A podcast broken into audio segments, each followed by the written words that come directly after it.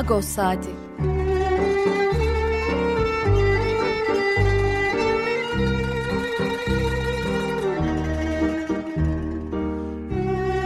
Haftalık Agos gazetesinin penceresinden Türkiye ve Dünya gündemi.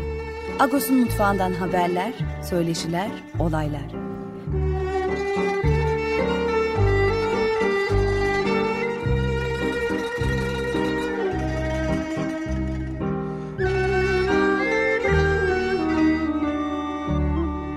Radyo Agos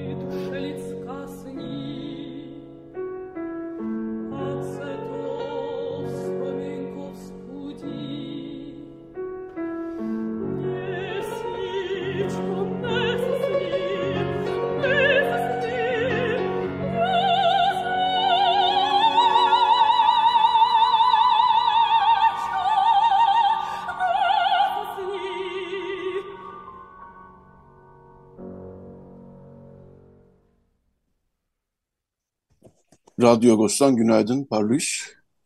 Ben Yetver Tanzikyan. Bu hafta size ben yardımcı oluyorum. Neyle başladık? Juliana Grigoryan. İyi dinleyerek başladık daha doğrusu. Juliana Grigoryan'la başladık.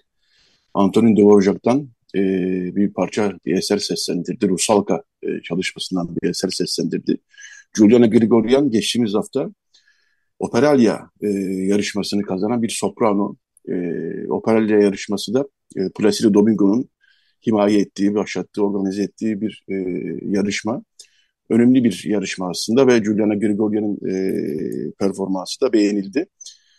E, dolayısıyla bir Juliana Grigoryan'ı tanıyalım e, düşüncesiyle ondan bir e, müthiş sesinden bir eserle başladık. Evet bu hafta Radyo Agos'ta ne var? Birazdan Pakrates Sukyan'la e, haftalık olan sohbetimizi gerçekleştireceğiz. İkinci bölümde e, Garopaylan, HDP Milletvekili Garopaylan konuğumuz olacak. E, Garopaylan'la geçen hafta e, Ermenistan'da yaptığı temaslar vardı. Dünya Ermenileri Zirvesi vardı Ermenistan'da. Oraya gitti. Ve Başbakan Paşinyan'ın yanı sıra eski cumhurbaşkanlarıyla görüştü, parlamento başkanıyla görüştü. Pek çok görüşme yaptı. E, bu hafta Ağustos'ta bir röportajımız da var zaten Garopaylan'da. E, bu çerçevede bir sohbetimiz olacak. Son bölümde Sevan Ataoğlu konumuz olacak. Bandırma Füze Kulübü e, filmi e, vizyonda. Bandırma Füze Kulübü'nün e, dışarıda bırakılan karakteri e, var. Yani ben filmi izleyemedim ama Sevan Ataoğlu izlemiş ve e, bu karakteri de biz aslında Ağustos'ta haber yapmıştık 96 yılında. E, Roketçi Kirkor, Kirkor Duvarcı. Ne yazık ki filmde dışarıda bırakılan bir karakter. E, Roketçi Kirkor'un yani Kirkor Duvarcı'nın ilginç hayat hikayesini konuşacağız. Evet, e, manşetimizde de bu hafta Agos'un manşetinde e, seçim vakıf seçimlerinde e, adaylar e, listelerini hazırladı ve yarışma hızlandı. Buna dair detaylı bir haberimiz var. E, evet, çok fazla zaman kaybetmeden biz sohbetimize başlayalım. Günaydın Pakrat abi, Parlus. Parlus Yatrak, günaydın. Juliana Grigoryan'ın sesi büyüleyiciydi cumartesi sabahı için. Biraz iyi geldi değil mi? Evet, iyi geldi. Ee, özellikle de bizim programımızda çok yer vermediğimiz opera müziğinden bir şey. Ne kadar dinlendirici olduğunu da fark ettim bu arada bunun. Ee? Hoştu, çok güzeldi. Evet, e, sohbetimize geçmeden e, dün başlayan bir konferanstan bahsetmek istiyorum. Hrant Dink Vakfı'nın e, düzenlediği, pek çok kurumla ortaklaşa düzenlediği bir konferans. Her yıl biliyorsunuz Hrant Dink Vakfı Ekim-Kasım aylarında kapsamlı bir konferans düzenler. Genelde e, şehirlerin e, hikayelerine odaklanan konferanslardır bunlar. Tarihine odaklanan konferanslardır. İşte Kayseri, Van, İzmir gibi. Kayseri ne yazık ki geçen sene yasaklanmıştı. E, bu yılki konferans e, İstanbul'u odak e, altına alıyor ve İstanbul'un 1914-1922 yani 8 yıllık bir kesitini odak e, noktasını alıyor ve başa, e, başlığı şöyle İstanbul 1914-1922 Savaş Çöküş, İşgal ve Direnişin Tarihi başlıklı bir konferans. YouTube'dan Vakfın Ratnik Vakfı'nın YouTube hesabından, kendi sitesinden, e, Facebook hesabından da canlı izlenebiliyor. Dün çok ilginç sunumlar vardı, güzel sunumlar ve iyi sunumlar vardı. Bugün de devam edecek. Saat 10.30'da ikinci gün oturumları başlayacak.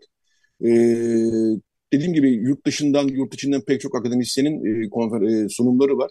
Hepsini de ilgiyle dinledik. Ee, değil mi Pakrat abi?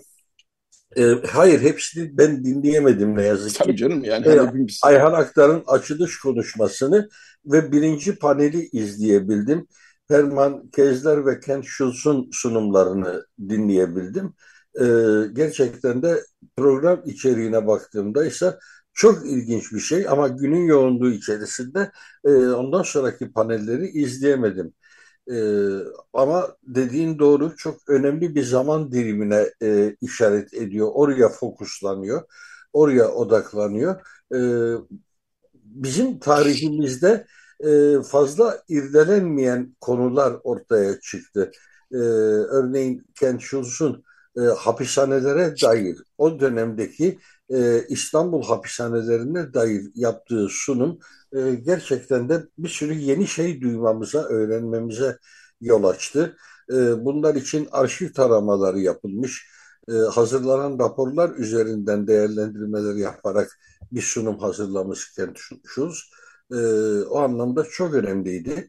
Keza e, Herman Kezler'in de direniş temasıyla işlediği e, konu, başlık çok e, anlamlıydı.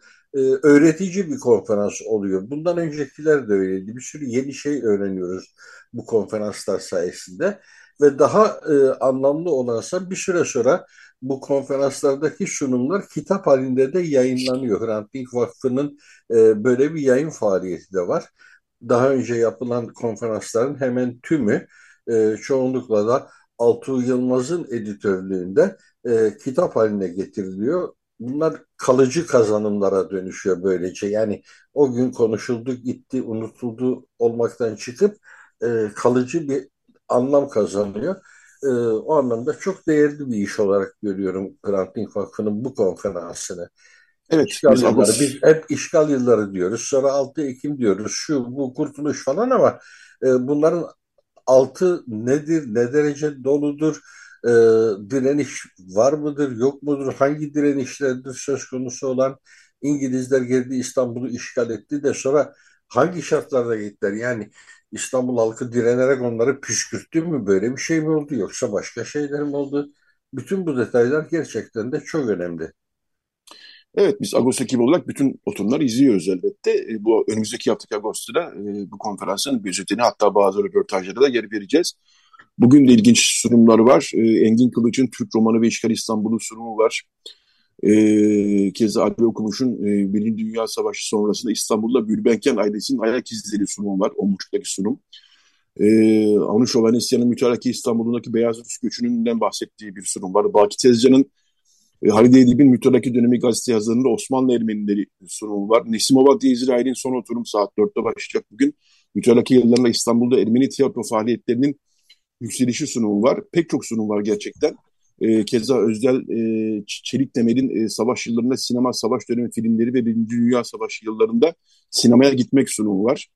Rusya'daki iç savaştan kaç, kaçanların e, İstanbul'a sığınması ile ilgili bir sunum var. Engin Kılıç'ın Türk romanı ve İşgal İstanbul'u sunumu var. E, tavsiye ediyoruz. Dediğim gibi Hrant Vakfı'nın YouTube sitesinden, hesabından dinlenebilir. Hrant Dink Org sitesinden dinlenebilir. E, ilginç sunumlar var diyoruz. Geçen hafta sen yoktun fakat abi. Bu hafta, bu yıl e, son 2-3 aydır biraz yurt içi gezilerine ağırlık verdin. Edirne taraflarına gittiniz sanıyorum. Evet, Trakya denebilir. Kırklareli, Edirne, o bölgelerde dolaştık. Doğru. Ee, hafta sonu. Ermeni tarihinden, Ermeni kült Ermeni varlığından diyelim daha doğrusu. Hiçbir iz kalmamış ne yazık ki demin telefonda biraz üzüntüyle. Birkaç cümleyle bahset istersen. Evet, Edirne'ye gittik. Edirne'de e, birkaç yıl önce e, restore edilen ve tekrar açılışı yapılan sinagogu ziyaret ettik. E, o sinagoga giderken de e, o yolumuzun üzerinde bir binanın önünden geçerken rehber dedi ki işte burası da Ermeni kilisesidir. Aa, döndük baktık Ermeni kilisesi denen yer e, yeni yapılmış bir bina, e, kapalı spor salonu. Sonra hemen düzeltti. Hayır kilise bu değil dedi. E, kilisenin arazisinde yapılan e, yer. Yani Ermeni kilisesi buradaydı. E, kısacası kiliseden e, hiçbir iz kalmamış yerine bir spor salonu yapılmış. E, bu çok yaygın gördüğümüz bir şey. Bir hafızada böylece yok edilmiş ama er, Edirne'de dikkatimi çeken eski mahallelerin e, korunuyor olması ya da varlıklarını sürdürüyor olmaları. Korunuyor lafı çok doğru değil belki. Çünkü e, koruma için özel bir çaba yok. E, orada yaşayan insanlar o evleri muhafaza ediyorlar. E, varlığını koruyor o evler. Hani Muşla Kale Mahallesi'nde yaşanan felaket burada yaşanmamış. TOKİ girmemiş oraya. E, o mahalle eski dokusunu koruyor. Aynı şeyi ben e, iki yıl önce de Mudanya sokaklarında dolaşırken görmüştüm. E, Mudanya sokaklarında da eski Rum evleri varlığını koruyordu. Burada da işte Ermeni Mahallesi denilen yerden geçtik. E, gördüğümüz hoştu gerçekten. O eski yapılar e, bakımlı bir şekilde halen e, kullanılıyor. İçinde yaşayan insanlar var. E, kentin tarihi e, hafızası. Yani kenti sadece e, yaprak ciğerle tanımlamak yerine bu sokaklarda böyle, buranın da böyle bir geçmişi var. Tabii bu arada bizim rehberimiz asla 1934'teki e, Trakya pogromundan bahsetmedi. Buradaki Yahudilere ne olduğundan bahsetmedi veya iğne adayı dolaşırken Sabahattin Ali'yi anmak aklına gelmedi. E, belki bilgisi de yoktu. Rehberlere çünkü bu bilgileri aktarmak için görev verilmiyor. Rehberlerin ne konuşacakları ince ince tasarlanıyor ama benim aklımdan hep onlar geçti. İğneada'dan geçerken Sabahattin Ali'nin orada nasıl katledildiğini e, hatırlamaya çalıştım. E, ihale edilmiş cinayetler. Yani Türkiye'de evet. böyle bir şey de var, gelenek de var. E, devlet bazı pis işlere kendi eliyle bulaşmıyor. Üniformalı görevlileriyle bulaşmıyor. Onların yönlendirdiği tetikçileri oluyor. Aynen e, Trabzon'da 15'lerin katledilmesi meselesinde olduğu gibi 15'lerin katledilmesi o dönemde e, bir hükümet programıydı, hükümet kararıydı.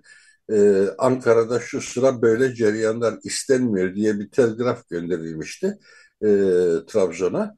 E, o telgrafın üzerine de Mustafa Surpi ve yoldaşları e, usulüne uygun şekilde hiç devletin eli bulaşmadan, e, üniformalı görevlilerin eli bulaşmadan ihale edilen bir e, kayıkçılar kahyası mıydı neydi bir adamın marifetiyle 15'ler Trabzon açıklarında bıçaklanarak katledildiler.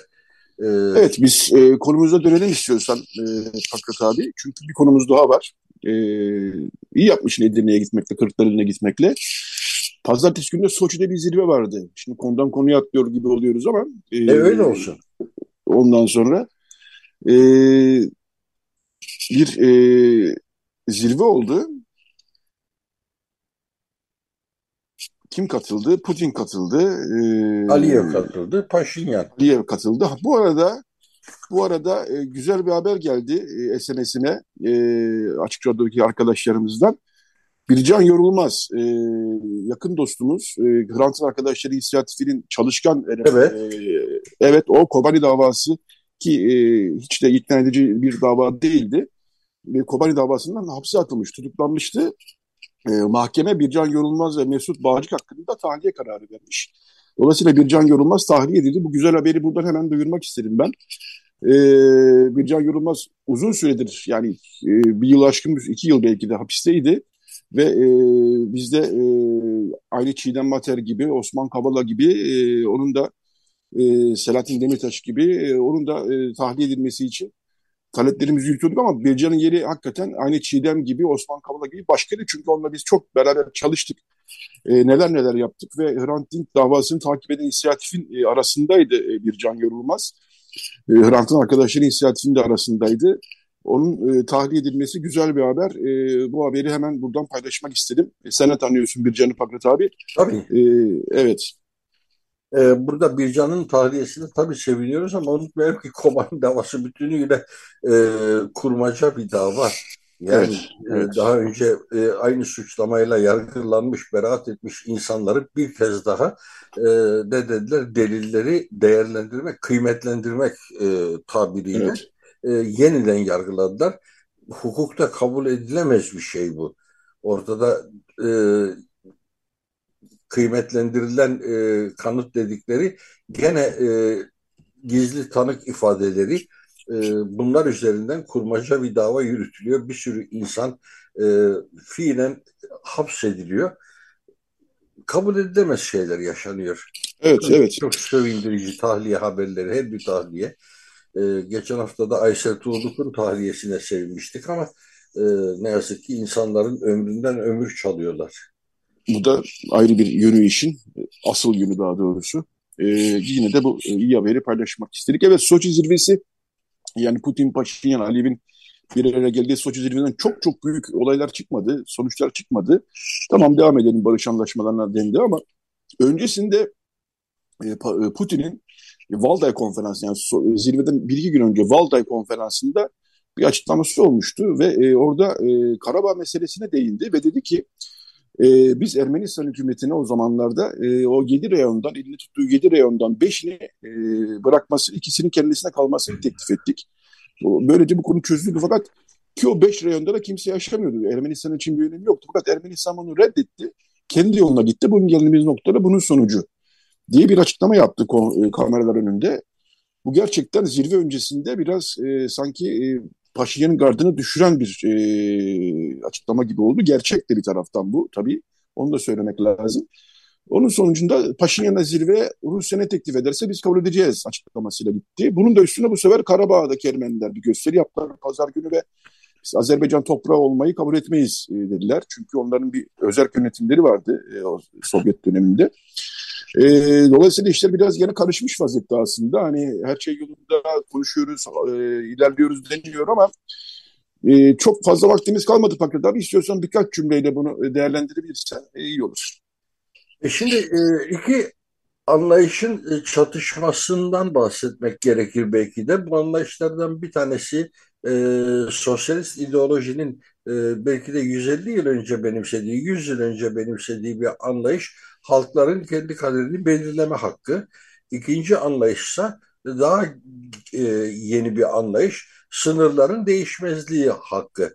E, bugün Batı dünyası e, Avrupa Birliği olsun, e, ABD olsun, Birleşmiş Milletler'de onların gücüyle e, geçerli olan anlayış bu sınırların değişmezliği hakkı meselesi. Ama bu e, kimi e, çok esnek bir anlayış oluyor. Bazı sınırların değişmesi işlerine geliyor.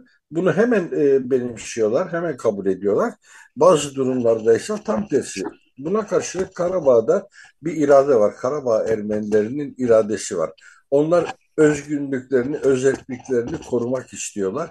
Azerbaycan ise ulus devlet inşası içerisinde e, bunu tanımıyor. Az, e, Karabağ Ermenileri bizim vatandaşımızdır.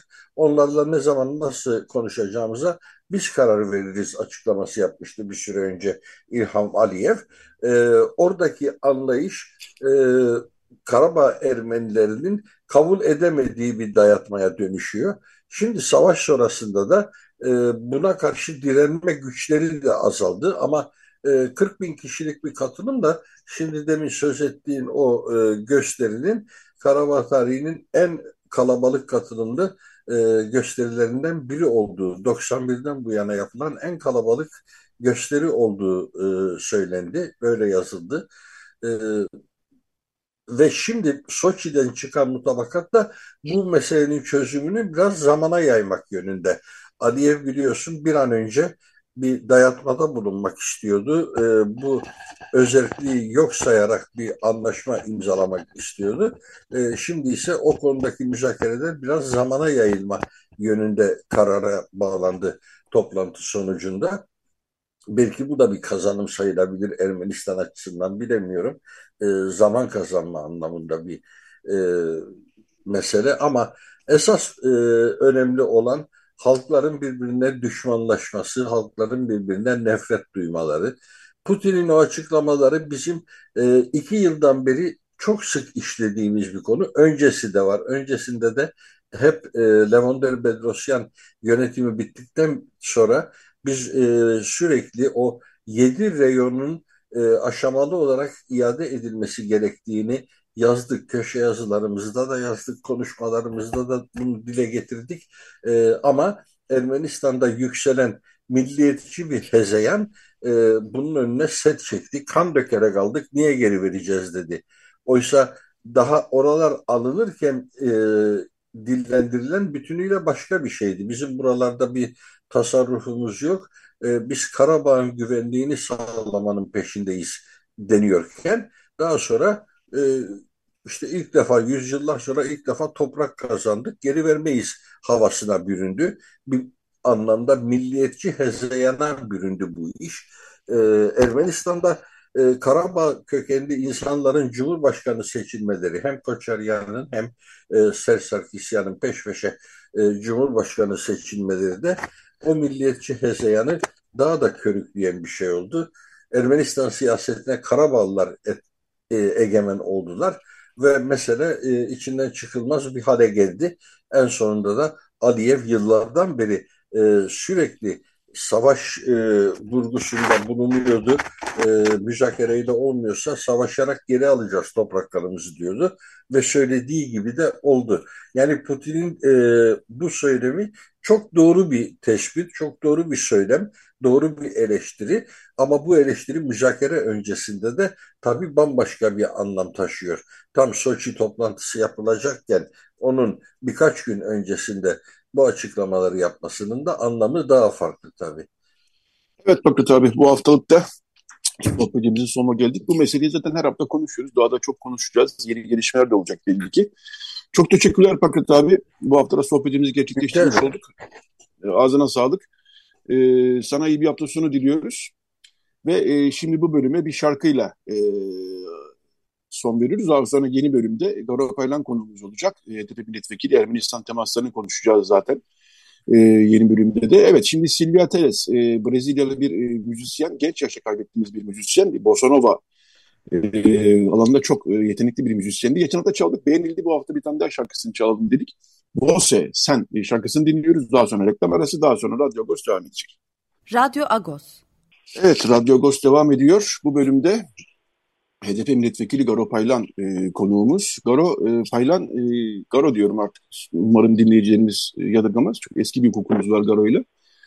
E, Garo Paylan geçen hafta e, Ermenistan'daydı. E, Dünya Ermenileri Zirvesi vardı. Orada Başbakan Paşinyan'la görüştü. Birinci Cumhurbaşkanı Levander Petrosyan'la görüştü. Üçüncü Cumhurbaşkanı Ser Sarkisyan'la görüştü. Parlamento Başkanı Alen Simonyan'la görüştü.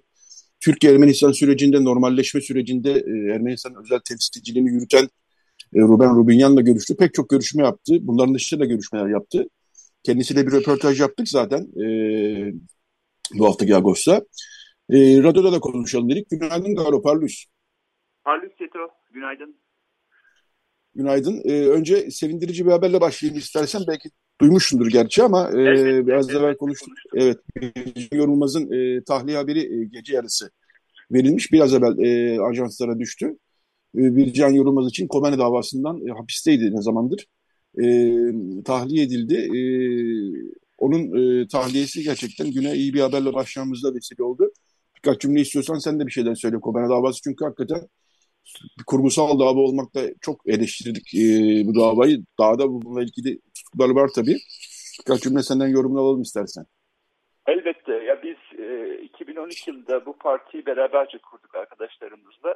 Ve Türkiye'nin bütün ezilenleri, bütün ötekileştirenleri veya bu ülkede barış olsun, demokrasi olsun, e, doğaya, insana, yaşama, saygılı bir yaşam olsun isteyen bütün arkadaşlarımızla biz HDP'yi kurduk. Ve bunlar bir ittifaktı. Yani çeşitli mücadele alanlarından gelen arkadaşlarla birlikte kurduk. Bircan da benim daha önceden tanıdığım, sevdiğim bir yoldaşım ve e, onunla, o da maalesef bu kumpas davasında, Kobane kumpas davasında iki yılı aşkın süredir cezaevindeydi. Bugün tahliye oldu.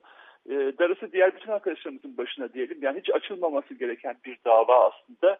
E, bu şekilde bir kumpas davası olarak kullanılıyor. Yalanlarla, iftiralarla, e, uydurma belgelerle, efendim iftiracı tanıklarla bu dava bir algı çerçevesinde sürdürülüyor. Bircan bugün tahliye oldu. Çok e, en azından bir teselli olarak görüyorum ama diğer arkadaşlarımız içeride olduğu sürece de tabii ki e, hala e, eksik hissediyoruz bu anlamda. Hepsi darası hepsinin başına diyorum. Evet. Şimdi e, senin Ermenistan temaslarını konuşalım dedik bu bölümde. Ben şöyle başlamak istiyorum. E, tam da e, Soçi zirvesi öncesinde yanılmıyorsam e, Başbakan Paşinyan'la görüştün. E, yani Başbakanlık Ofisi'nden bir açıklama yapıldı. E, normalleşme sürecini görüştük dendi. E, ondan sonra Türkiye'deki Ermeniler hakkında görüş alışverişinde bulunduk dendi. Ama e, biraz daha sanki detaya girsek iyi olur. Sen e, Paşinyan'ın pozisyonunu bilhassa bu e, normalleşme süreci ve Azerbaycan'la yürütülen barış anlaşması süreci ki çok zor yürüyor. E, yürüyor mu ondan da emin değiliz aslında. Bu iki konuda e, Paşinyan'ın pozisyonunu e, nasıl buldun? Şimdi Yeto e, uzun süre sonra bir e, barış için, Güney Kafkasya'da barış için bir fırsat, fırsat penceresi var. Biliyorsun birinci savaş 1992 yılından sonra yani 1993 yılında savaşın sonlarından sonra çözümün çözümün konuşulduğu bir dönem vardı Levanter Petrosyan döneminde ve aslında çözüme yakındık ama o zaman Ermeniler de Ermenistan içindeki bazı radikallerin de maksimalist talepleri ve diğer e, uluslararası unsurların da Rusya'nın mesela çözümü e, istememesi çerçevesinde Türkiye'nin de bu konuda yeterince müdahale olmaması yani çözümden yana e, e, olmaması çerçevesinde e, akamete uğramıştı o süreç. Daha sonra 2008 futbol diplomasisi vardı biliyorsunuz. Serf Sarkisyan, Abdullah Gül arasında ve e, protokoller imzalanmıştı.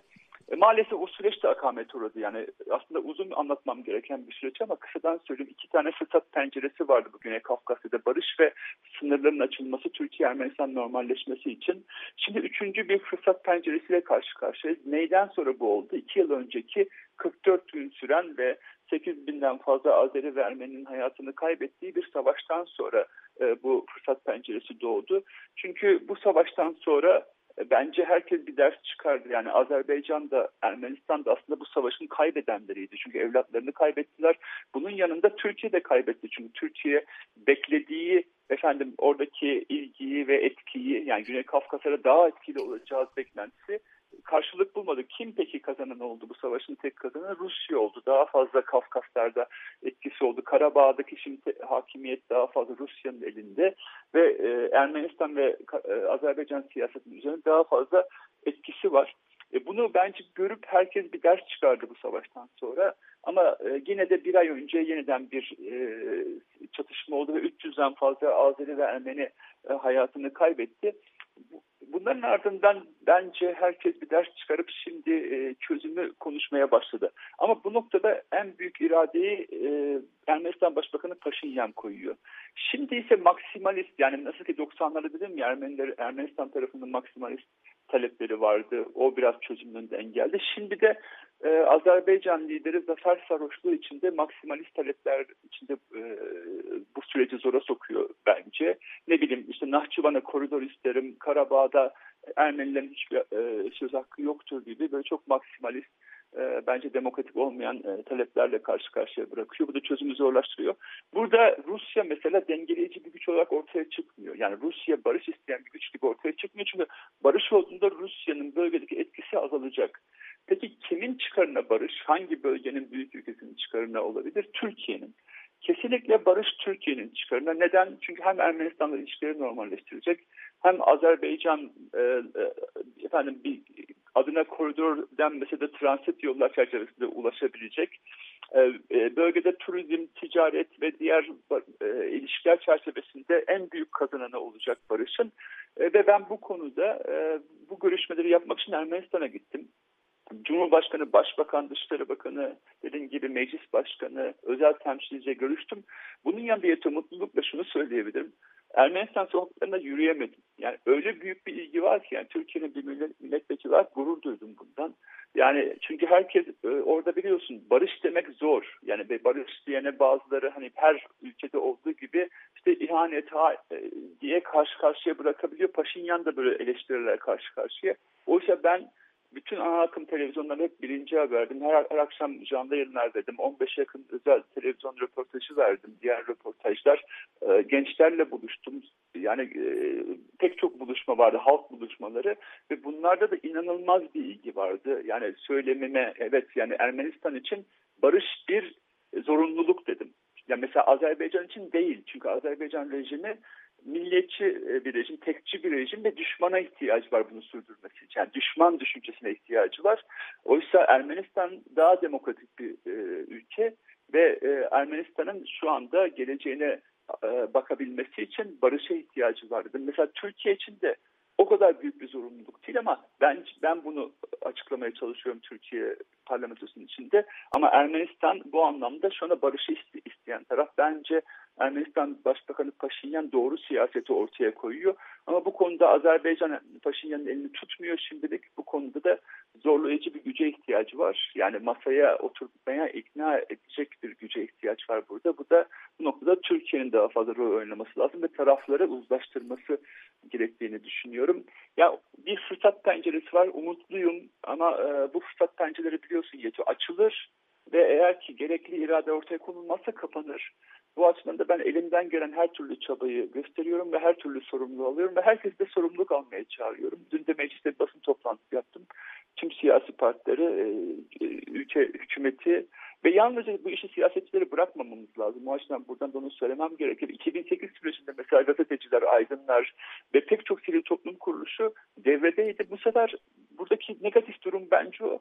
Yani çok az ilgi var. Yani çünkü iktidara evet anlaşılır bir güvensizlik var. Yani benim de elbette güven konusunda sıkıntılarım söz konusu. Bunu tabii ki e, öyle e, öyle yani yeterince bir güvenim yok. Ama yine de e, bence konjonktür gayet uygun sınırın açılması ve Azerbaycan Ermenistan barış için. Bu açıdan herkesin biraz daha fazla sorumluluk alması gerekir diye düşünüyorum. Peki Paşinyan'la neler konuştunuz? Yani anlatmanda bir şey sakınca yoksa eğer. Yok yok elbette. Yani sonuç olarak konuştuğumuz şeyler aslında ben televizyon programı ne söylüyorsam on, onları konuştuk. Yani Türkiye'deki e, durum, yani Türkiye'deki siyasi durum üzerinde konuştuk. Yani bu konuda herkesin yani şu en, şu en büyük şansımız şu. Bu sürece muhalefet eden kimse yok Türkiye'de.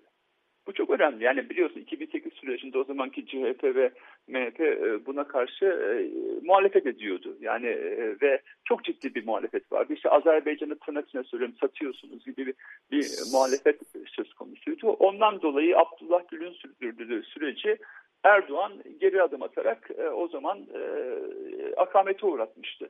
Ama şimdi muhalefet eden kimse yok. Bunları e, özellikle konuştuk. Türkiye Ermenistan normalleşme süreci için neler yapabileceğimizi mesela konuştuk. Özellikle güven artırıcı adımlar konusunda. Yani çünkü biliyorsun iki tarafın ön yargıları var ve çok anlaşılır ön yargılar. Özellikle Ermenistan tarafında ön yargılar çok daha derin. Yani çünkü 100 yıldır yaşanan travmalar ve Türkiye'nin iki yıl önceki savaşta oynadığı rol, tek tarafı tutması ve oraya askeri ve silah destekleri vermesi, hatta savaşın e, taktik, stratejik anlamda içinde olması e, konusunda elbette ciddi önyargılar var. E, ama ben de şunu anlatmaya çalıştım her görüşmemde. Bu konuda Türkiye'de de alınan bir ders var. Ee, ve e, şu andaki ortaya konan irade yani Ermenistan'da ortaya konan iradenin elinde tutacak bir irade söz konusu. Ve şunu yapmalıyız dedim. Ben o tarafa da bütün görüşlerde onu önerdim. Yani bu konuda e, ticaret e, odalarının, efendim turizm birliklerinin ki Ermenistan'a gelen turistler Türkiye'ye gelecek, Türkiye'ye giden turistler Ermenistan'a gidecek. Sınır illeri mesela Ardahan, Kars, Iğdır, Ağrı, efendim Van, Diyarbakır, Trabzon, Rize limanları bu tip illerin mesela ticaret odaları bu konuda çok ilgili. Sınırın açılması, ticaretin başlaması, turizm başlaması. Hani bunlar şöyle bakılabilir. Ya bir dakika çok daha büyük meseleler var ama halklar birbirini tanımıyor. Yani ilişkiler nasıl oluşabilir? Birbirini nasıl tanıyabilir? Kısımlar açılır, ticaret başlar, turizm başlar, ilişkiler başlar, kültürel, diplomatik, ticari ilişkiler başlar ve ön yargılar ortadan kalkar. Çünkü Türkiye halkı orada bir düşman halk var gibi algılıyor. Ermenistan halkı da benzer bir şekilde işte bu tarafta işte düşman bir halk gibi var gibi algılıyor. Oysa Ermeni ve Türkiye halkları düşman olamazlar çünkü yüzlerce yıl bir arada yaşadılar. Aynı şekilde Azerbaycan ve Ermenistan halkları da düşman olamazlar. Çünkü 35 yıl önceye kadar bir arada yaşıyorlardı ama 35 yıldır nefret öğretiliyor maalesef bu halklara. Özellikle Azerbaycan tarafında ben bunu söyleyebilirim. Yani oradaki çocuklara, gençlere yani bu açıdan eğitim bakanlığı da görüştüm. Yani nefret söylemleri varsa müfredatta bunlar kalkması gerekir e, diye özellikle söyledim. Ama Azerbaycan tarafında bazı videolar görüyoruz. Mesela e, er, er, yani e, Ermeni kimliğine karşı böyle nefret öğretisi söz konusu. Bunların ortadan kalkması lazım. Yani tarihin doğal akışında yüzlerce yıl bir arada yaşadığımız halklarla nasıl bir arada yeniden yaşayacağımızı ve nasıl e, onarıcı bir adalet ortaya koyacağımız. Çünkü yaralanmış durumda şu anda halklar ve ön yargılar söz konusu ama Yeto bu coğrafya, Güney Kafkasya coğrafyası bu coğrafyaya da bütünü bizim kaderimiz. Yani komşularınızı Ermenistan'da şu fikri anlattım. Ermenistan e, komşularını değiştiremeyecek. Türkiye ve Azerbaycan onların komşuları olacak. Ya bu komşularla on yıllarca daha e, çatışmalı bir sürece gidip gençlerimizi kaybedeceğiz ki bunu artık halklar yorgun bunu istemiyor. Ya da bu kaderimiz olan coğrafyadaki halklarla barışacağız. Şimdi de bir fırsat penceresi var. Paşinyan bu konuda irade koyuyor. Ama muhalefet bu konuda ciddi bence yanlış bir söylem içinde. Bir nefret söylemiyle Paşinyan'a karşılık veriyor. Yani hatta şu sloganı duydum orada Yeto çok ironikti. Yani caddelerde ben duydum yani şöyle diyorlardı. Yani Aran Türkiye Hayastan yani Türksüz Ermenistan diyor. Kime söylüyor? Paşinyan'a bunu söylüyor. Yani Paşinyan'a bir nefret söylemi olarak Türk olarak ifade ediyor. Yani Ermenistan'dan git demeye getiriyor. Ya ben de bunu anlattım bütün medyada. Dedim ki Türkiye'de de bazı aşırı ırkçı e, siyasetçiler veya kişiler işte Garo sen Ermenistan'a git diye aynı benzer söylemler, nefret söylemlerine beni karşı karşıya bırakıyorlar. Ya bu ayıptır dedim. Hepimiz için ayıptır. Ve ama ne mutlu ki şunu söyleyeceğim. Ermenistan kamuoyunda bu e, marjinal bir düşünce. Yani hakim bir düşünce değil. Ama biliyorsun ki bu tip anlaşmalarda e, hakim hale gelebilir. Yani ihanetle suçlanması e, e, iktidarın elini zorlar. O açıdan şimdi bence Ermeni dünyası olarak birleşme zaman dedim. Çünkü neden? Elbette Paşinyan'ı eleştirebiliriz ama yani o eleştirimiz eğer ki e, bir nefret söyleme dönerse Paşinyan güçlü olamaz. Yani masaya güçlü oturamaz ve güçlü oturamazsa da adil bir barışa ulaşamaz. Kalıcı bir barış olmaz o da.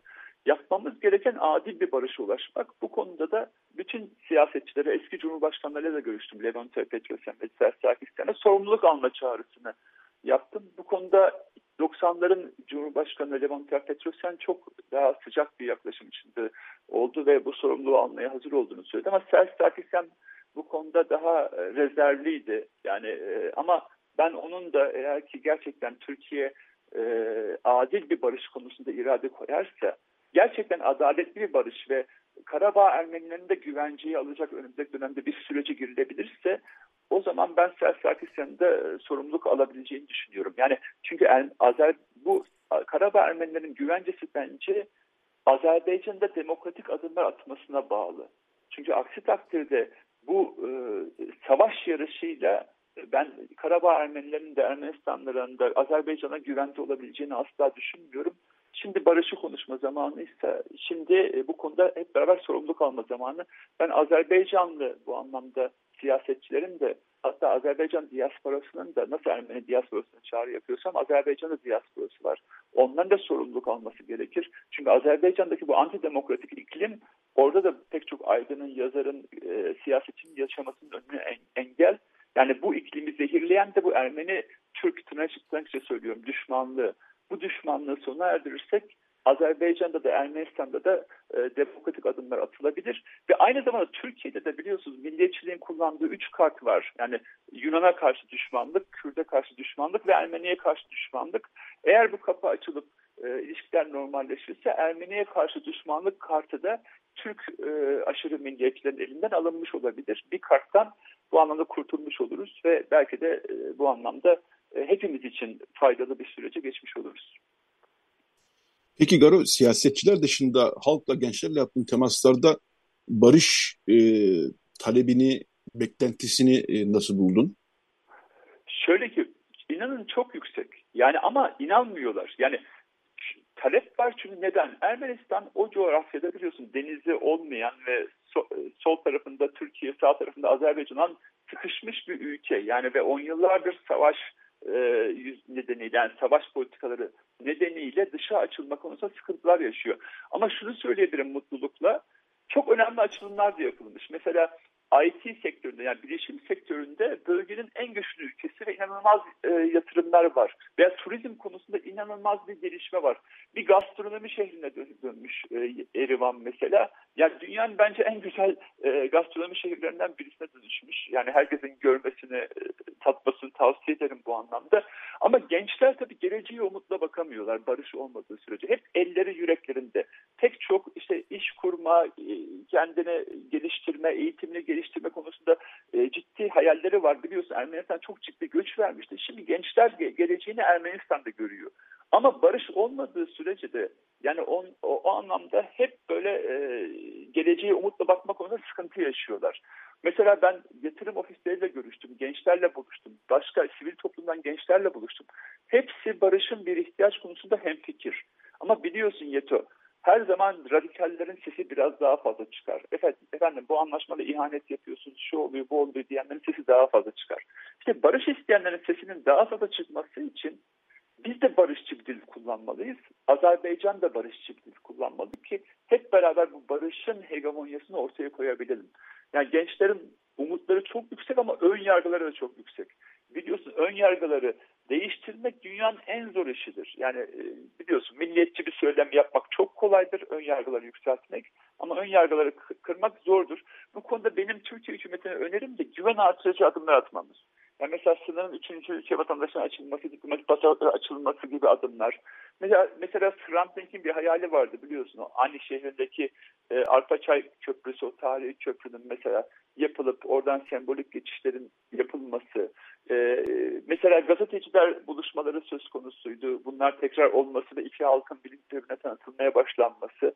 Yani sürecin işlediğini göstermemiz gerekiyor. Benim en büyük çağrım o Türkiye'deki hükümeti ve Ermenistan hükümetine gelin sürecin işlediğini gösterelim. Elbette ufak tefek aksamalar olabilir ama bu sürecin işlediğini gösterelim ki halklar inansın ve bunun e, onlara yararlarını görsün. Hem barışçı siyasetin en büyük tabii ki yarardır. Yani geleceğe umutla bakmak için. Hem de ticaret başlar, turizm gelişir ve bu Evet, e, Garo'yla e, Garo hattan e, bir anda düştü ama e, büyük e, bir oranda aslında e, konuşabildik. Neler olup bittiğini konuşabildik. Hem siyaset cephesinde hem de e, sanıyorum tekrar bağlamaya çalışıyor arkadaşlar ama e, son bir cümle alabilsek iyi olur elbette. E, bunlar tabii önemli gelişmeler bir taraftan. Bir taraftan da e, bunun e, bir ekonomik aslında e, açılım niyetiyle başlatıldığını biliyoruz. Yani biraz da Türkiye tarafından bu normalleşme süreci de Türkiye'nin e, er, Cumhurbaşkanı Erdoğan açıklamalarıyla aslında başladı. Ama Ermenistan'da bu açılıma ihtiyacı var. Çok belli çünkü ekonomik anlamda sıkışmış bir ülkeden bahsediyoruz. Tabii bu e, yolların açılması e, Türkiye ekonomisi için de belli ki bir sıkışan e, ekonomi içinde bir açılım olacak. Garo e, hattan e, düştün e, son birkaç cümleni evet şimdi tekrar geri geldim son birkaç cümleni duyamamış olabiliriz ama zaten son 2-3 dakikaya girdik e, Garo bu bölüm için. E, aslında e, anlattın e, hem e, siyasetçilerin bakışını hem de Ermenistan halkının bakışını. E, e, son bir cümle e, soru da sorayım. Ruben Rubinyan'la da görüştüm. Türkiye-Ermenistan normalleşme evet. sürecinde Ermenistan'ın e, temsilciliğini yürütüyor Ruben Rubinyan. Hatta Türkçe de biliyor. Belki biraz Türkçe'de konuşmuşsunuzdur bilmiyorum. Evet, ee, evet. Türkçe de biliyor. Evet. E, oradaki yani Türkiye-Ermenistan normalleşme sürecinde bir tıkanıklık e, var gibi yani var derken e, her şey yolunda deniyor ama epeydir de temsilciler görüşmüyorlar e, uzun süredir. E, oradaki e, birkaç cümlede oradaki son durumu da aktarabilirsen senin aldığın izlenimi daha doğrusu Ruben Rubinyan'ın bakış açısından. Şöyle ki yani biliyorsun bu Ermenistan'ın tercihi bu iki süreci ayırmak. Ee, yani Türkiye Ermenistan normalleşme sürecinin e, taahhütler çerçevesinde yürümesi Azerbaycan-Ermenistan barışının ayrı bir süreç olarak görülmesi ama Türkiye bu konuda e, bu, bu şekilde bunu görmüyor. İki süreci birleştiriyor. Yani orada atılacak adımlar çerçevesinde ben burada atır, ad, adım atarım diyor. Ya ben de şu noktada ikna etmeye çalışıyorum Ermenistan'daki yöneticileri ve kamuoyunu. Yani bu iki süreci birbirine bağlamak artık bir olgu yani. Çünkü Türkiye seçimlere gidiyor. Azerbaycan'ı hani yani bu konuda biz e, sizi ne yaparsanız yapın size ilgilenmiyoruz diyemez. Çünkü e, milliyetçilik yolunda olan bir iktidar var. Buna efendim maalesef diyebiliriz ama iyi ki de, de ben iyi ki de diyebiliriz diye düşünüyorum. Sebebi şu, iki süreci birlikte yürütmek, iki süreci bir arada kazanmayı da getirebilir. Ama iki, eğer ki iyi yürütmezsek iki süreci bir arada da kaybedebiliriz. Yani o açıdan orada atılabilecek bir adım, burada bir at, atılacak adımların senkronize olması ve iki sürecin de e, başarıyla sona ermesi, Ermenistan'ın hem sağ tarafındaki Azerbaycan hem sol tarafındaki Türkiye'de barışması e, anlamına gelebilir. Bu da büyük bir kazanım olur. Hem bölge için hem halklar için e, büyük bir kazanımla dönüşebilir. Bu konuda ikna etme, yani ikna etme demeyeyim, bu böyle düşünelim de, e, diye a, açıkladım. Ya bakalım Yeto, dediğim gibi ben burada da bizi izleyen herkesten 2008'de çok büyük bir ilgi vardı. herkes sorumluluk almaya çalışıyordu. Bugün kimse ilgilenmiyor neredeyse. Bu meseleyi yalnızca siyasetçilere bırakırsak bu mesele tehlike altında olur. Bu meselede e, gazeteciler, aydınlar, e, sivil toplum kuruluşları, meslek örgütleri, ticaret odaları hep beraber sorumluluk almalıyız. Çünkü bu mesele hem Ermenistan'ın kaderini değiştirecek hem de bölgenin kaderini değiştirecek hem de Türkiye'nin doğu illerinin kaderini değiştirecek bir e, mesele. Bu konuda barış, başarıya ulaşmak için de ben de her türlü sorumluluk almaya devam edeceğim. Evet böyle bir çağrıda da bulundum Ağustos'taki röportajında da zaten. Çok teşekkürler e, Garo. Garo Paylan, HDP milletvekili Garo Paylan konuğumuzdu. Geçen hafta Ermenistan'daydı. E, Başbakan Paşinyan'ın yanı sıra pek çok siyasetçiyle ve halkın içinden, toplum içinden kesimlerle görüştü. İzlenimlerini, düşüncelerini aktardı bize. Çok teşekkürler Garo e, yerine katıldığın için. Ben teşekkür ederim. Hoşçakalın. Sana kolay gelsin. İyi hafta sonu diliyoruz. Evet bu bölümü de bir şarkıyla kapatalım. E, Nikoteini, Nikoteini çok sık çalıyoruz. Çünkü seviyoruz. E, Lafter'a Nikos Papayorgu, kanunda Asinet Fotini Kokala. Türkiye'de de yaşıyorlar, Yunanistan'da da yaşıyorlar. İki tarafta da kayıtlar yapıyorlar. Şimdi onlardan bir şarkı dinleyeceğiz. E, bu e, ikiliye e, Maria Seytanidou ve Nikos Andrinikos da bu şarkıda e, eşlik ediyorlar. Garofalyamu yani Karanfilim şarkısını Nikotein'den dinleyelim. Daha sonra bir reklam arası. Reklam arasından sonra da Sevan Ataoğlu konuğumuz olacak.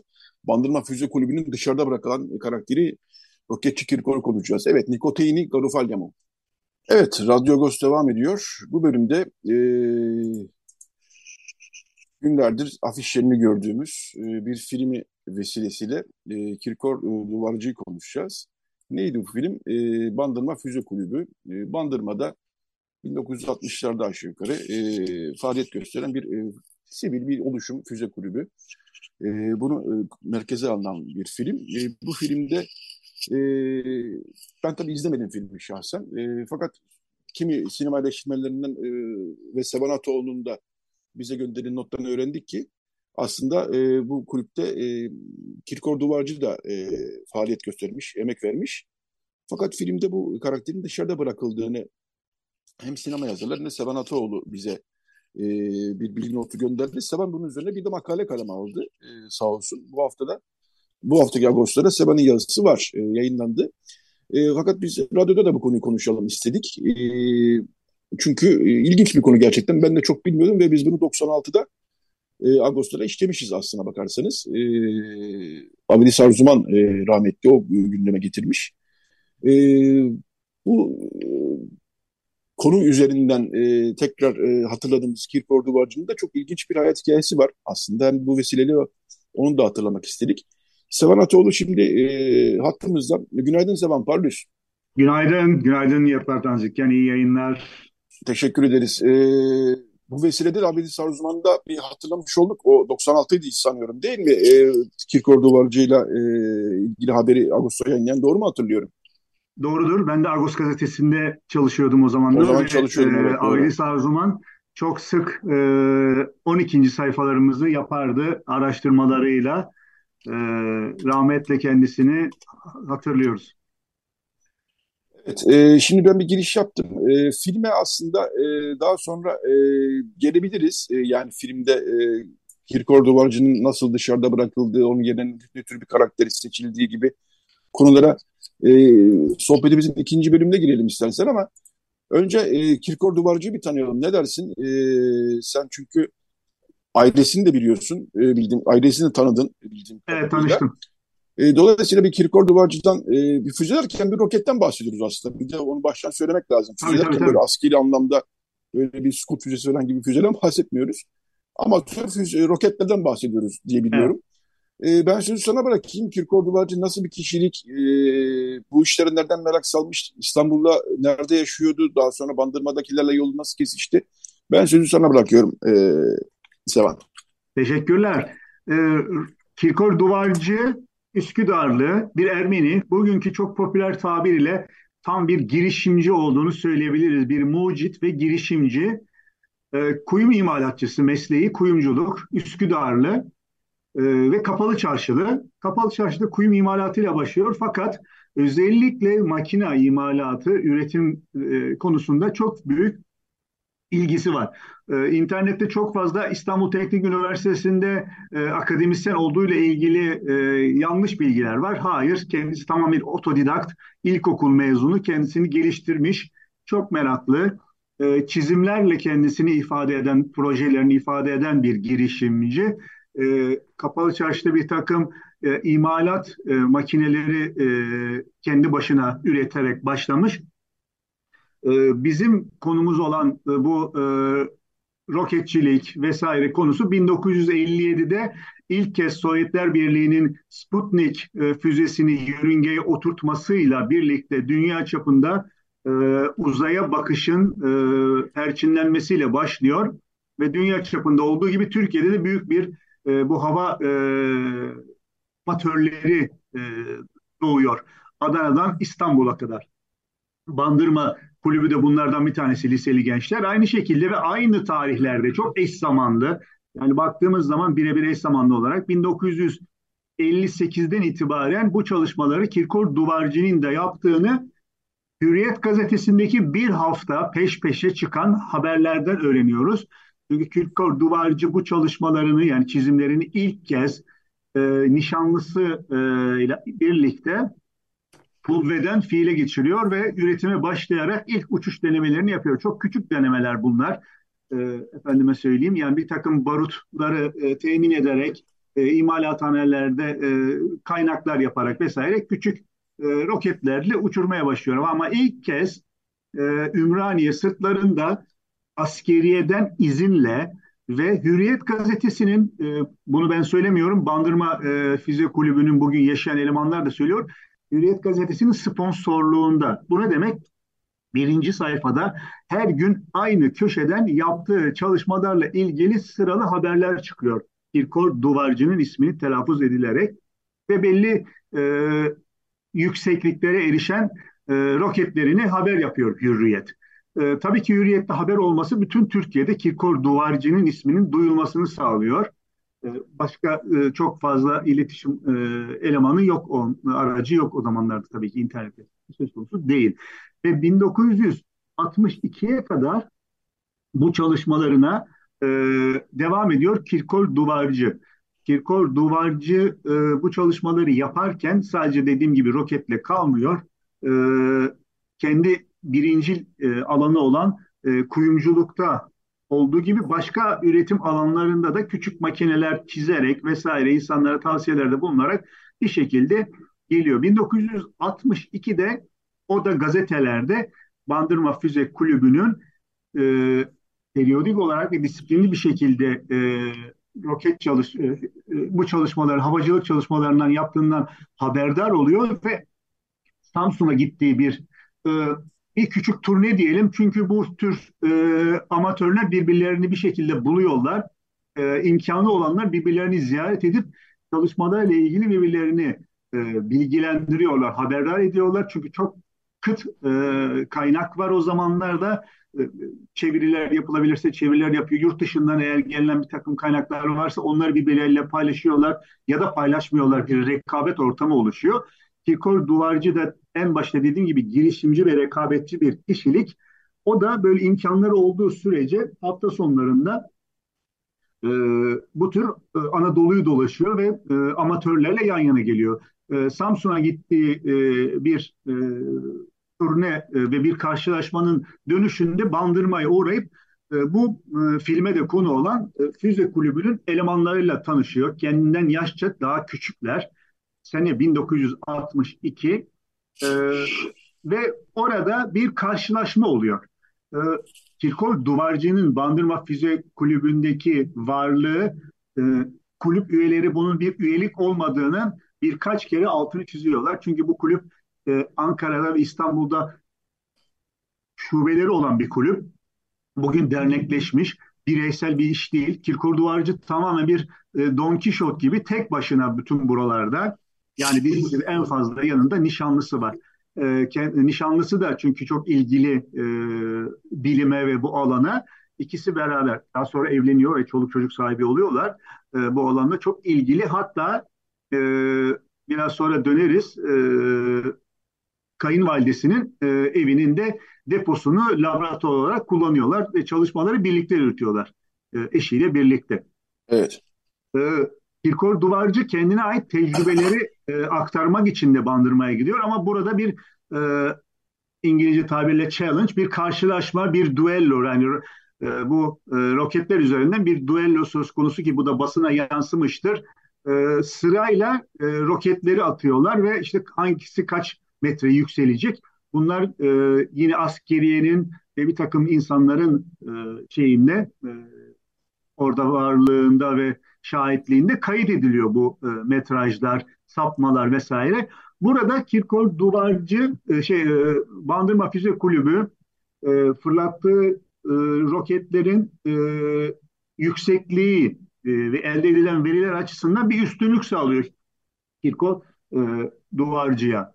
E, bundan Anladım. da uzun ve daha fazla bir birliktelikleri ya da bir mesaileri yok Kirkor Duvarcı'yla Bandırma Füze Kulübü'nün. Fakat döndükten sonra e, yine hem basına yansımış hem e, Bandırma Füze Kulübü'nün kendi açıklamalarına yansımış hem de bütün bunlardan sonra en sonunda biraz sonra konuşacağımız filme yansımış bir e, inkar ve görmemezlik ve tarihten silme e, politikasını çok net olarak Kirkor Duvarcı'nın şahsiyetinde görebiliyoruz ki bu e, girişim yani bu inkar girişimi Kirkor Duvarcı'yı alt üst ediyor.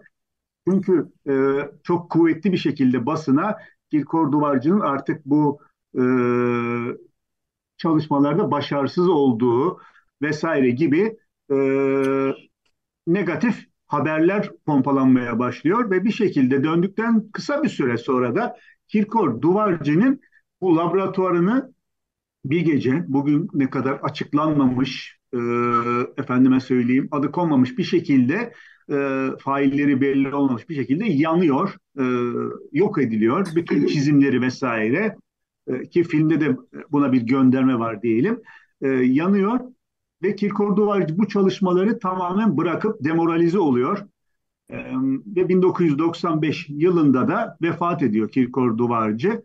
E, yani vefatında bu demoralizasyon ne kadar etkisi oldu olmadı vesaire bunu tabii biz konuşamayız burada ama Kirkor Duvarcı ailesinin de e, bana intikal ettirdiği ve resimlerinde de gördüğü kadarıyla son derece sportif, sağlıklı bir insan. Ama dediğim gibi... Şu, bir araya girebilir miyim Sevan? Ee, Buyurun, sen lütfen. telefonla konuşurken şey demiştin. Kirkor Duvarcı bu arada birçok işe girip çıkıyor. Ve oralarda gördüğü, e, yaptığı şeyler yüzünden, e, ne bileyim ben, otomatizasyonlar yüzünden aslında orada çalışanların tepkisini çekiyor. Çünkü e, 20 kişinin yaptığı işi e, yapabilecek bir makine icat edince bu sefer Kirkor Duvarcı'yı yolcu ediyorlar galiba çalıştığı yerlerden. Doğru mu? Ee, doğru, doğru. Aslında e, Kirkor Duvarcı dediğim gibi yani ciddi bir girişimci ve bir mucit. E, belki yani o dönemlerde çok fazla bu tür insanlar vardı ve görünüyordu. Yani kendi kendini otodidakt yetiştirmiş insanlar. Herhangi bir üniversite vesaire e, eğitim almadan Türkiye'de kıt kanaat malzeme ve kaynakla Kirkor Duvarcı böyle bir insan. Ee, sadece kuyum sektöründe değil, birçok farklı yerlerde arkadaşlarını çağırdı. Yani amiyane tabirle bir çay içmeye gittiği bir imalathanede dahi orada üretime dair bir aksaklık e, gözlemlediğinde, bir yavaşlık, bir aksaklık gözlemlediğinde oturup orada bir müsvedde kağıdına bile e, bir e, otomatik otomatizasyon bir bandı e, çizip böyle tekliflerde bulunabiliyor. Fakat teklifte bulunduğu insanlar bunu belki algılayacak kapasiteleri olmadığı için bir de bir anda oradaki işçilere ihtiyaç duymadığını e, ifade e, edildiği için böyle bir tepkilerle karşılaştığını e, ailesiyle yani böyle anekdotal olarak e, ifade etmişti. Yani biraz gülmüştük, etmiştik. E, ama böyle bir yanı varmış evet. Yani son derece evet. e, şey dışa dönük bir karakter olduğunu söyleyebiliriz. Evet, girişimci. Şimdinin Elon Musk'ı her şeyle yani. Evet. Şimdinin tamam. Elon Musk'ı bile diyebiliriz belki. Tamamen. Ee... Evet evet. Tabii bu insanlar yani böyle e, gökten zembille düşmediler. Onların da bir geçmişi var Elon Musk'ların. Kirkor Duvarcı da onlardan evet. bir tanesi doğrudur. Filmde e, e, Kirkor Duvarcı'dan bahsedilmiyor. E, senin anlatımlarından ve diğer sinema yazarlarının yazılarının anladığım Kirkor Duvarcı'dan filmde bahsedilmiyor. Kirkor Duvarcı'nın fotoğrafları kulüp fotoğraflarıymış gibi filmin sonunda arşiv malzemesi olarak lanse ediliyor Yetvar Tanziken. Yani Kirkor Duvarcı'dan bahsedilmemesini bir yana koyalım. Kirkor Duvarcı'yı tanıyanlar onun fotoğraflarını filmin sonunda görüyorlar ve onu bir Bandırma Füze Kulübü'nün arşivi gibi bu Bandırma Füze Kulübü'ne e, in, şey yapılamaz, etiketlenemez. Filmin bir e, problemi. Evet. Kirkor Duvarcı'yı görüyoruz ama bu sanki Bandırma Füze Kulübü'nün bir elemanı olarak görüyoruz ama böyle bir şey yok. Ama Kirkor Duvarcı yerine başka bir karakteri sanıyorum. Ee, yani ismi Kirkor olmayan e, değil mi? Yanlış mı anladım ben? Senin, şimdi, e... şimdi bunu sinema e, o filmi yapan yani film bir yapımcı filmi. Onu eğer filme biraz geçecek olursak e, yet var. Evet. Filme olursak film bir yapımcı filmi. E, yani Türkiye Cumhuriyeti yakın ve popüler tarihinin bir yeniden e, yazım ve yeni nesillere anlatım aracı olarak sinemanın kullandığı bir tarz e, ve e, yapımcı da m, sinemasını böyle kurmuş, sektörünü böyle kurmuş. Darel yaptığı filmler ve bundan sonra yapacağı filmleri de lanse edilmiş filmler var. E, ve bu kulüpte e, Cumhuriyet'in bir teknolojik atılımını e, nesillere idrak ettirmek maksadıyla kurulmuş bir film. Hmm, filmin e, kendisi ve yönetmeni dahil zaten tarihe mal olmuş ve kitaplara da geçmiş bu kulübün tarihinin egzajere edildiğini bir takım televizyon yayınlarında kendileri de ifade ettiler. Hatta Bandırma Roket Kulübü de filmden çok memnun olmadıklarını söylediler. Onlar e, kendilerine ait e, böyle bir tarih olmadıklarını söylediler. Filmin sonu NASA'ya bağlanıyor. Mesela NASA'da e, bu e, liseli gençleri en sonunda NASA'ya davet ediyor. Böyle bir tarih yok. Efendime söyleyeyim. E, filmde e, ya da filmciler biz Kirkor Duvarcı'yı kullanmadık ama onun yerine şunu kullandık gibi bir tabirleri, bir ifadeleri yok. Bunu Anladım. sinema eleştirmenleri, sinema Hı. eleştirmenleri köşe yazılarında birkaç tanesi e, net bir şekilde bu kulübe ve bu gençlere e, bir takım e, köstek olanların yanında destek olanların en önemlisinin de e, Gırnatacı Necati dediğimiz e, Bandırma'da çok sevilen bir müzisyen, bir roman müzisyen. Aynı zamanda bu gençlerin okuduğu lisenin de e, hademesi, temizlik işlerini vesaire yapıyor. Hafta sonları, akşamları da işte e, panayırlarda, düğünlerde klarinet çalıyor ve bu çocuklara e, destek oluyor. E, beraber yaşa, e, aynı evi paylaştığı bir e, tırnak içinde deli, yani kasabanın, köyün delisi olarak adlandırılmış bir şahsiyetle beraber bu ikisi çok e, destek oluyorlar tamamen maddi ve manevi. Hatta maddi de var. E, bazı kaynaklarda Kirkor Duvarcı'nın Bandırma Roket Kulübü'ne maddi olarak da de, e, destek olduğuna dair bir takım şeyler yazıyor. Bunu, bunu inkar ediyor Bandırma e, bize kulübü. Bununla ilgili elimizde bir veri yok. Ben çok mantıklı olduğunu da düşünmüyorum. E, ama bu karakter altın dişlerini satarak e, bu kulübe destek oluyor ve e, filmin finaline doğru bu kulübün çalışma alanı, e, ahşap deposu ve bütün çizimleri bir Amerika'dan gelen bir gazetecinin e, verdiği, e, dağıttığı paralarla yerel halktan birkaç kişi tarafından yakılıyor. Böyle bir vaka var. Ve o yangında da bu sözünü ettiğimiz Gırnatacı Necati karakteri içeri girip çizimleri kurtarmaya çalışırken e, yanarak hayatını kaybediyor. Bu e, filmdeki bu işleniş şeklinden e, dolayı ve bu karakterden dolayı e, bunun Kirkor duvarcı olması gerektiğine dair bir iki tane e, köşe yazısı çıktı. E, yani evet. filmin bu kadar da inkarcı olmaması gerektiği e, ifade edildi. Dolayısıyla e, bunu tekrarlıyorum yapımcının ya da yönetmenin ağzından böyle bir şey yani, tabii ki duymadık. E, ya da filmin sonunda Kirkor Duvarcı'nın da anısına falan gibi bir ibare de zaten beklemiyorduk ve böyle bir şey de yok. Ama böyle bir e, kafalarda böyle bir e, kurgu yapılıyor sinema eleştirmenleri. Peki e, Bandırma Füze Kulübü gerçekte de kendi şeyi yanmış mı? Yoksa e, Kirkor Duvarcı'nın evinin yanmasıyla bu olay mı birleştirilmiş bir anlamda? Bilmiyorum. Evet. Güzel bir soru. Hayır. Onlar bir yangın yaşamamışlar. Ee, hmm. Bandırma Füze Kulübü şu anda hali hazırda var olan bir de, dernektir. Yazdım ben de yazımda. E, Huzar. Hmm. Bu dernek e, pasif olarak e, yani kağıt üzerinde devam ediyor. Bir mekanı var, küçük bir mekanı. Evet.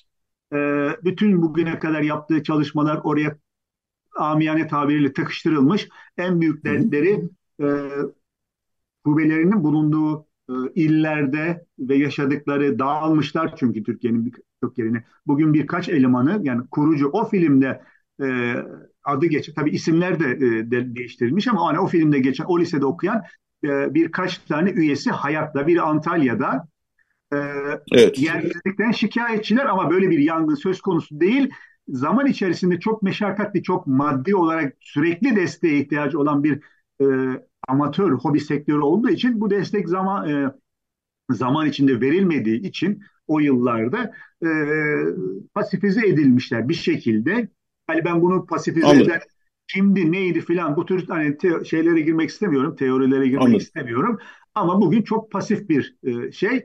Fakat filme e, hani Cumhuriyet dedik yani Cumhuriyet'in son evet. yıllardaki böyle bir atılımı filme çok ciddi bir işte e, roketçilik vesaireyle ilgilenen ve e, isimlerini telaffuz etmediği, etmek istemediğim bir takım e, ciddi büyük kurumların maddi desteği var. Yani film büyük bütçeli bir film, e, milyonlarca dolar e, var ama aşağı yukarı 250-300 bin dolar dünya çapında şu ana kadar bir şey var.